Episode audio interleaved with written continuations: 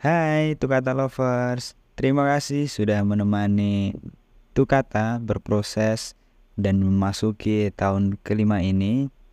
Kita tidak terasa sudah menjelajahi dunia kata dan aksara yang menakjubkan.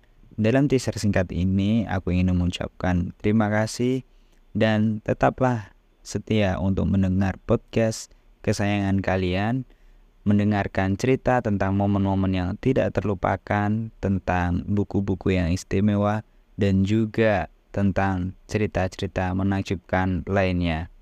Tetap di podcast Tukata, Tukar Kata, Tular Cerita di sesi tahun 2024. Sampai ketemu di review buku selanjutnya.